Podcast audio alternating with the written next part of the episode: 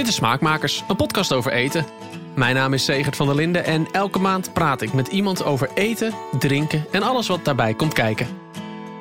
Deze maand twee andere podcasts dan normaal. Begin deze maand werd in de Amsterdamse RAI de Horecava gehouden. Naast alle stands voor grootkeukenapparatuur, restaurantmeubilair en biertappen kun je, als je goed kijkt, ook een beetje zien wat er dit jaar gaat gebeuren op het gebied van eten en drinken. Dat zijn dan vaak dezelfde dingen die je ook op de lijstjes met voedseltrends ziet, die je aan het eind van het jaar weer tegenkomt. Nou is trendwatching natuurlijk altijd een beetje koffiedik kijken, maar een paar dingen kom je zo vaak tegen dat het een soort self-fulfilling prophecy wordt. Zo stond er op bijna alle lijstjes meer aandacht voor voedselverspilling, meer plantaardig eten en minder dierlijke producten en een grotere rol voor technologie in de keuken. Deze drie thema's spelen de hoofdrol in de smaakmakersafleveringen van januari. Over twee weken hoor je over een paar technologische innovaties. In deze aflevering stort ik me op de plantaardige trend. En tussendoor zul je ook het tegengaan van voedselverspilling tegenkomen. Wil je daar meer over weten? Check dan aflevering 8 van Smaakmakers, de smakelijke strijd van Instok.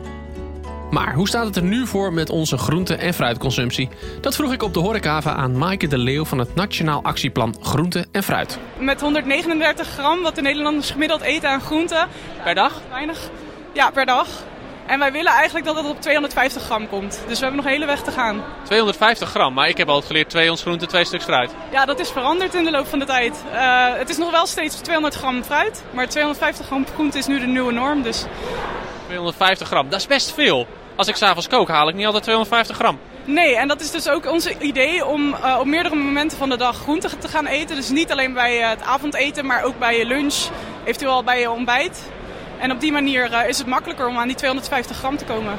Groente bij je ontbijt? Ja, bijvoorbeeld een plakje komkommer bij een boterham met kaas. Of uh, in je yoghurt, fruitstukjes. Ja, fruit natuurlijk. Ja, ja nee, dat is, ja, ik, ik denk gelijk groente bij je ontbijt. Dat is, maar in heel veel cultuur is dat natuurlijk heel normaal. Ja.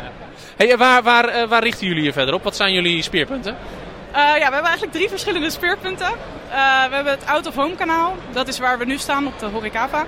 Uh, we hebben jonge gezinnen en dan hebben we ook nog uh, de gezondheidszorg. En, en out of home, hoe bedoel ik, wat moet ik daarvoor voorstellen? Hoe, hoe... Ja, dat is vooral de horeca eigenlijk. Dus in restaurants zorgen dat er meer uh, groente en fruit wordt geserveerd op het bord. En dus ook de presentatie daarbij is heel, heel erg van belang. Dus meer kleur, dat is ook onze slogan meer kleur op het bord, zodat mensen meer zin hebben om groente en fruit te gaan eten. Ja, ja want jullie roepen hier ook op mensen op het, het, het, beste idee om meer groente en fruit op het bord te krijgen. Ja, klopt. Dat is een van onze prijsvragen. En uh, ja, we kunnen natuurlijk niet alleen zelf met ideeën komen, dus we hopen dat mensen daarbij ook uh, inspiratie kunnen bieden op deze beurs. Ja. En even kijken, jonge gezinnen was de tweede en de derde was... Uh... Uh, gezondheidszorg. Gezondheidszorg. Is het, dat, dat vind ik altijd heel gek, maar is het eten in de gezondheidszorg echt zo slecht als ik altijd hoor? Ja, dat is het zeker, ja. We, staan in, uh, we zijn nu ook bezig met uh, een congres voor arts en leefstijl. Daar willen we ook een rol bij gaan spelen. Dus uh, ja, daar is zeker nog een weg te gaan. Een simpele tip van het Nationaal Actieplan Groente en Fruit eet meer kleur.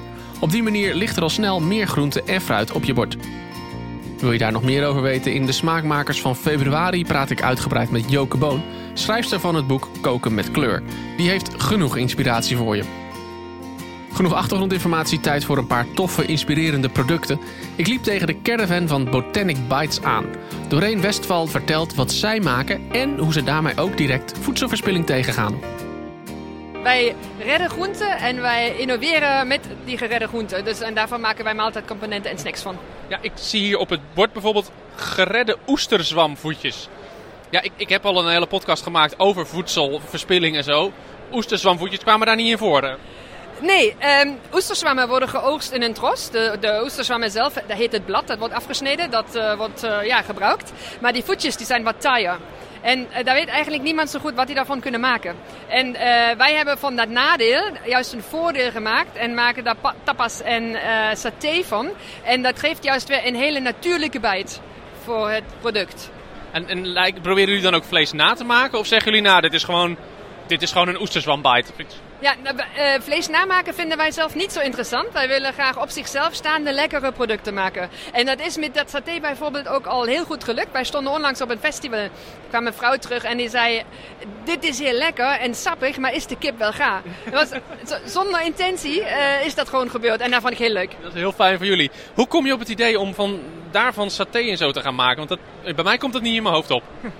Uh, ja, het is een beetje wat, ons, uh, wat we tegenkomen. Die, onze eerste product was de tomatenburger. Dat zijn tomaten die zijn niet mooi genoeg voor de supermarkt.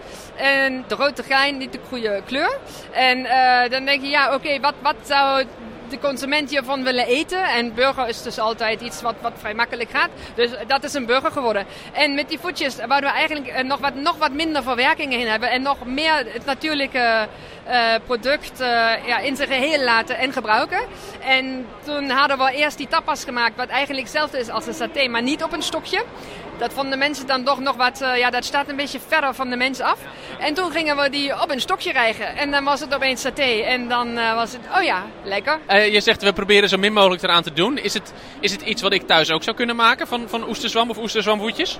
Uh, ja, zeker. Dat kan je ook doen. Het is sowieso, je kan uh, paddenstoelen kopen in een tros. En dan heb je de voetjes. Of je koopt ze uh, los. Maar al de supermarkt koopt niet in met de voet. Dus dat, ja. Ik wou zeggen, die zie ik in mijn lokale mijn supermarkt om de hoek, zie ik er nooit die voetjes. Nooit. Nee, nee dat, is, dat klopt. Dat vinden we een beetje vreemd. Ja, ik ga er nou, ik, ik bedoel, ik sta er nou toch bij in de buurt. Ik ga er even, een, even eentje proeven. Eens even kijken. De... Deze, misschien de, de tapas. Dat is dus de, de voetjes gemarineerd en met zeewier een beetje op smaak gebracht.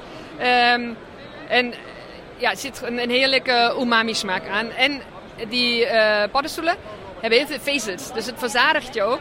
En, en zeg maar, een zak chips kan je blijven dooreten. Maar dit, dit op een gegeven moment dan is het gewoon ook klaar. En dan heb je zoiets van, oh lekker, ik heb gegeten. Ik heb genoeg gegeten. En ga eens proberen. Het ziet er inderdaad, als je zo dichtbij kijkt, denk je dat inderdaad, dit, dit lijkt wel een beetje op een paddenstoel inderdaad. Ja, klopt. Het is een, een uh, organische vorm. Hè? Ja. Hm. Nou, we moeten niks mond liggen. hm. Ik vind het heel lekker. Je proeft nog wel steeds dat het paddenstoel is. Ja, klopt. Dat is, uh, dat is zo. Dat ja. is ook de bedoeling. Ja, zeker. Ja. Er zijn heel veel mensen die van paddenstoelen houden. Dus, uh, het, uh, zeker, ja. ja. Ja. ja. bijvoorbeeld de saté. Ja, ik ga gelijk even door, het hele, ligt het hele rijtje. Als ik die zo op een bordje zou zien liggen van afstandje, denk ik, nou, dat is een satéetje inderdaad. Ja, klopt. En het is omdat je dan die stukjes op een, op een spiesje. Dat is gewoon hoe de hersenen werken van ja. de mensen. Ja. Zo gek is dat eigenlijk. Ja, ja absoluut. Ja. Dat, dat is ook heel spannend om te onderzoeken. Van, uh, uh, wij hebben bijvoorbeeld ook de oesterzwamworst. Uh, en we hebben dezelfde uh, receptuur ook als burger. En als burger is het een hele andere reactie dan dat wij zeggen het is een worst. Bij worst hangt voor mensen nog heel veel meer de, uh, ja, de verwachting dat het echt, echt worst moet zijn. En bij een burger kunnen ze dat al meer loslaten. Het is wel lastig misschien ook voor jullie. Je moet heel erg tegen die perceptie van mensen in opboksen. Van een worst is vlees, saté is vlees. En als het dan paddenstoel is, dan uh, is het eng. Ja, en het is ook heel snel dat je wij maken plantaardige producten. Dat dan gezegd wordt, oh ja, dat, dat is voor de ander. Dat, want ik eet vlees. Maar nee, het is juist voor iedereen. Want wij moeten met z'n allen minder vlees eten. En ja. ja, je probeert juist ook de vleeseter te overtuigen van, joh, pak dit eens een keer. Precies. En als die dan zeggen, de kip is niet gaar, dan, dan, is, dan, dan hebben we ons doel bereikt. Dan zit je goed, ja. Nog iemand die fastfood maakt van groenten is Mark Kulsdom. Hij is de man achter de Dutch Wheat Burger, een burger gemaakt van zeewier. Ja, nou, Dutch Wheat Burger is uh, de Wagyu uit de zee, hè? We zijn uh, de beste burger op de planeet voor de planeet. Kijk, dus, uh, je, hebt, je hebt ze allemaal goed ingestudeerd. Ja, ik heb geoefend. ja. Vertel eens, hij wordt gemaakt van, ja, van zeewier, denk ik? Ja, nou, hij is verrijkt met zeewier. De basis is een, is, een, is, een, is een bewerking van een sojaboon. Dus vroeger werd dat gedroogd, platgeslagen en dan wilde niemand vegetariër worden. Dat hebben we veranderd en nu uh, staan allemaal van dit soort gasten in de rij om te proeven. Ja, ja, Het is radio, je ziet ze niet, maar... Nee, je ziet ze niet, maar het, uh, het, het, is, jullie hebben het wel hip gemaakt. Ja, ja, ik denk zeker. We hebben wel echt uh, iets neergezet wat blijvend is en, en, wat gewoon de trend is ja. geworden. En dat is gewoon te gek, man. Waar komt het idee voor de burger vandaan? Nou, ik was, uh, hiervoor werkte ik als documentairemaker. Uh, ik ben in New York geweest om een uh, ja, documentaire te maken over de toekomst van plantaardig eten. Mm -hmm. Daar was het in 2011, 12 was het al helemaal booming. allemaal restaurants bezocht en gekeken van hey, wat zouden jullie nou doen met zeewier. Hè? Dat was toch een beetje toen al vanuit Wageningen nog de belofte van dit is de eiwitbron van de toekomst. Ja, ja, ja. en toen we terugkwamen, ik ging die film monteren, wilden mensen die burger proeven. En toen hebben we ja, dat gemaakt, samen gekomen met een paar slimme mensen. Want toen hadden we ineens iets wat, uh, ja, wat gewoon een soort culthit werd. En, en wat ook de brug kon slaan naar een breder publiek. Ja, dat is denk ik heel belangrijk. Hè? Want ik, uh, ik sprak net uh, mensen van, die werken met oesterzwammen. Ja. En die zeiden ook, ja, weet je, als wij het aanbieden in een, in een worst, dan denken mensen, oh, eng, dat, dat hoort vlees te zijn. Maar een burger, Ja. Ja, dat, dat kunnen we wel hebben. Ja, ja, ja zo, nou, we, hebben, we hebben ook een paar nieuwe dingen. We hebben ook een weed dog hebben we gemaakt. Ehm, ja, je moet niet zomaar dingen gaan doen, man. Het is al vrij snel gewoon niet lekker, weet je. En dan ziet het er wel uit zoals iets, maar dan heeft het niet gewoon iets nieuws. En ik denk wat, wat, waardoor de wietburger gewoon goed werkt, is omdat het, er zitten dingen in die, eh, waar je nieuwsgierig naar wordt. Je wil weten, hey, zeewier, wat is dat dan? En microalgen, hoe smaakt het dan? En een groen broodje, leuk. Terwijl vroeger had je gewoon een vegaburger, maar zo anoniem als wat. Ja, het is, heeft gewoon geen karakter. Het heeft gewoon niet echt gewoon die spirit of zo. Wij willen gewoon die, ja, die spirit gewoon in dat vegan food brengen. Zo. En, eh, ja. Een mooi voorbeeld is Lowlands. Hè? we, stonden, eh, we staan nu volgens mij voor vierde, komende jaar voor vierde, vijfde keer staan we op Lowlands. Ehm, en de eerste keer werden we daar neergezet, eh, nog een beetje zo. Ik bedoel, alle plekken op Lowlands zijn fantastisch, maar nog wel een beetje zo, ja, op zo'n plekje waar je niet iedereen langs liep. Vorig jaar of twee jaar geleden zijn we naar een nieuwe plek gegaan en bam, weet je, echt dikke rijen. En niet alleen dat, alle tenten bieden nu veel meer vegan aan. En, en in het begin waren wij gewoon de enige vegan. Zo, wil je vegan, ga je naar de Wietburger.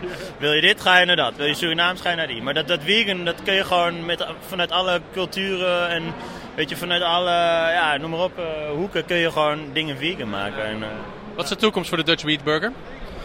ja, eh, gouden burgers, ehm, eh, zeilboten, Tesla's. je weet het. Stond een Tesla. Oh, ja, de whole bunch.